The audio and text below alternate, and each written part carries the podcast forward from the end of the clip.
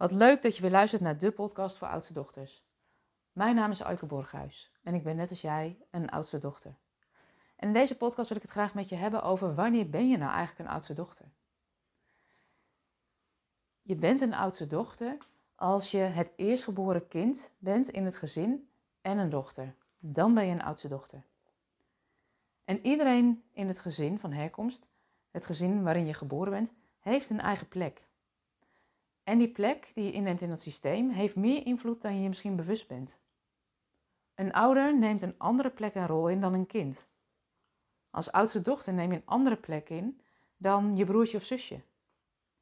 En waarom is het nou zo belangrijk om je daar bewust van te zijn of echt op die eigen plek als oudste dochter te gaan staan? Is dat als je stevig op je plek staat, dan voel je je vrijer. Je kunt je dan ontwikkelen, volwassen worden en je eigen keuzes maken. En op die manier kun je trouw zijn aan jezelf, in je leven en in je werk en lever je een bijdrage aan waar jij in gelooft. Het gebeurt ook regelmatig dat mensen bij me aankloppen en zeggen: Goh, Eike, ik ben geen oudste dochter, maar ik beschrijf wel wat je beschrijft. Ik herken het zo. Het is alsof het over mij gaat. Dan kan het zijn dat je geen oudste dochter bent, maar dat je onbewust op de plek van een oudste dochter terecht bent gekomen. Bijvoorbeeld doordat je zus die plek niet heeft ingenomen, of bijvoorbeeld doordat jouw ouders um, voor jou een miskraam hebben gehad, uh, of dat er een kindje is afgestaan voor adoptie, of dat er misschien wel een ongewenste zwangerschap was en het kindje is geaborteerd. Dan kan het ook zijn dat jij, zoals ze dat noemen, een functionele oudste dochter bent. En dan kan het ook zijn dat je herkent in wat ik beschrijf. En weet dan ook dat de deuren wagenwijd openstaan voor je als je worstelt met de vraag of als je denkt dat we je kunnen helpen. En wat ik ook ontdekte toen ik me wat meer begon te verdiepen in um, wat is nou die plek als oudste dochter en wat zou je daar nou mee kunnen, is dat ik ontdekte dat heel veel vrouwen op leiderschapsposities um, en ondernemers met een succesvol bedrijf ook vaak oudste dochters zijn. Je bevindt je dus in goed gezelschap van bijvoorbeeld Oprah Winfrey, Jacinda Ardern, Angela Merkel, Brene Brown, J.K. Rowling, Beyoncé, Lady Gaga, Marie Folio, Sonja Barend, Nelly Kroes en Camilla Harris. Maar wat zijn dan die kwaliteiten die die oudste dochters zo hebben ontwikkeld? Oudste dochters hebben een aantal kwaliteiten met elkaar gemeen. En die kwaliteiten zijn dat je gericht bent op je omgeving, op het versterken van het geheel. Je bent daadkrachtig en hebt een groot verantwoordelijkheidsgevoel. Je beschikt van nature over leiderschapskwaliteiten, zoals een helikopterview en overzicht over wat er moet gebeuren. Je wilt van betekenis zijn en houdt van diepgang. Je bent zorgzaam voor de mensen om je heen en je bent ook praktisch en resultaatgericht.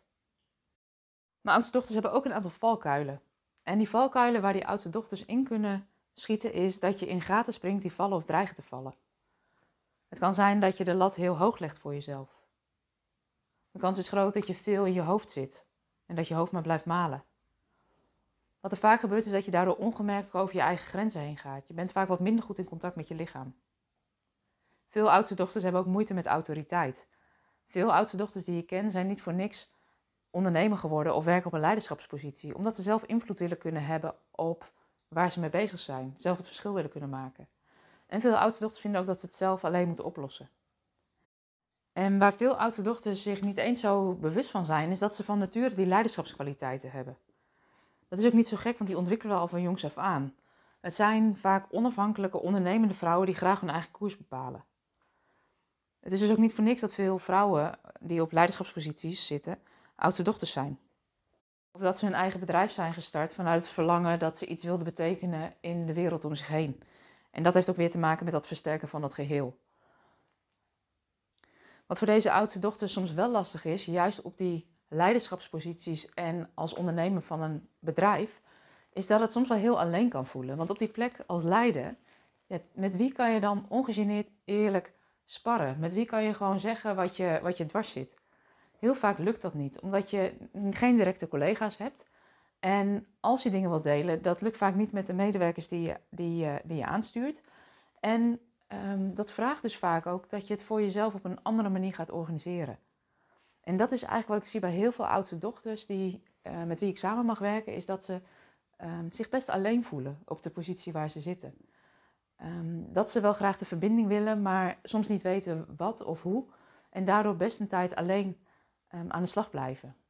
En wat ik denk voor deze oudste dochters, wat belangrijk is om te weten, is: je moet het zelf doen en je hoeft het niet alleen te doen. En als ik kijk naar mezelf, dan ken ik die valkuil ook van dingen alleen willen doen en het zelf willen doen. Ehm, maar ik heb een paar jaar geleden gemerkt, met name in mijn ondernemerschap, dat dat niet hoeft en dat het niet nodig is.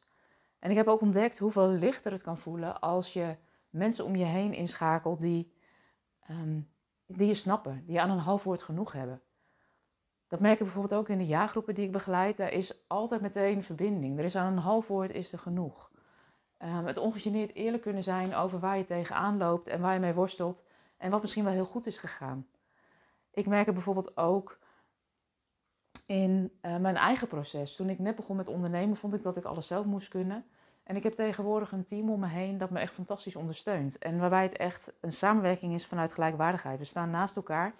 Um, hebben we allebei of allemaal onze eigen uh, ja, taken en verantwoordelijkheden. En ik bepaal de koers wel, maar ja, het is echt wel een samenwerking geworden de afgelopen jaren. En dat maakt dat werken en leven gewoon heel veel lichter voelt. Um, dat ik met veel meer ontspanning de dingen kan doen die ik goed kan. En de dingen waar ik minder goed in ben, kan uitbesteden of aan andere mensen kan overlaten. Mocht je nou voelen van, hé, hey, dit herken ik, ik ben een oudste dochter. Um, ik ben gewend om het veel alleen te doen en ik loop vast. Ik merk dat ik het eigenlijk best goed voor elkaar heb, maar ik voel wel ergens dat het knaagt. Dan kun je wel wat hulp gebruiken. Weet dat we je heel graag helpen. Je zou dan een berichtje kunnen sturen naar aike.oudstedochter.com en dan kunnen we kijken of en hoe we je kunnen helpen. Dus weet dat je heel welkom bent. Je moet het zelf doen, je hoeft het niet alleen te doen. En uh, als oudste dochter of als functionele oudste dochter ben je van harte welkom. Een fijne dag vandaag.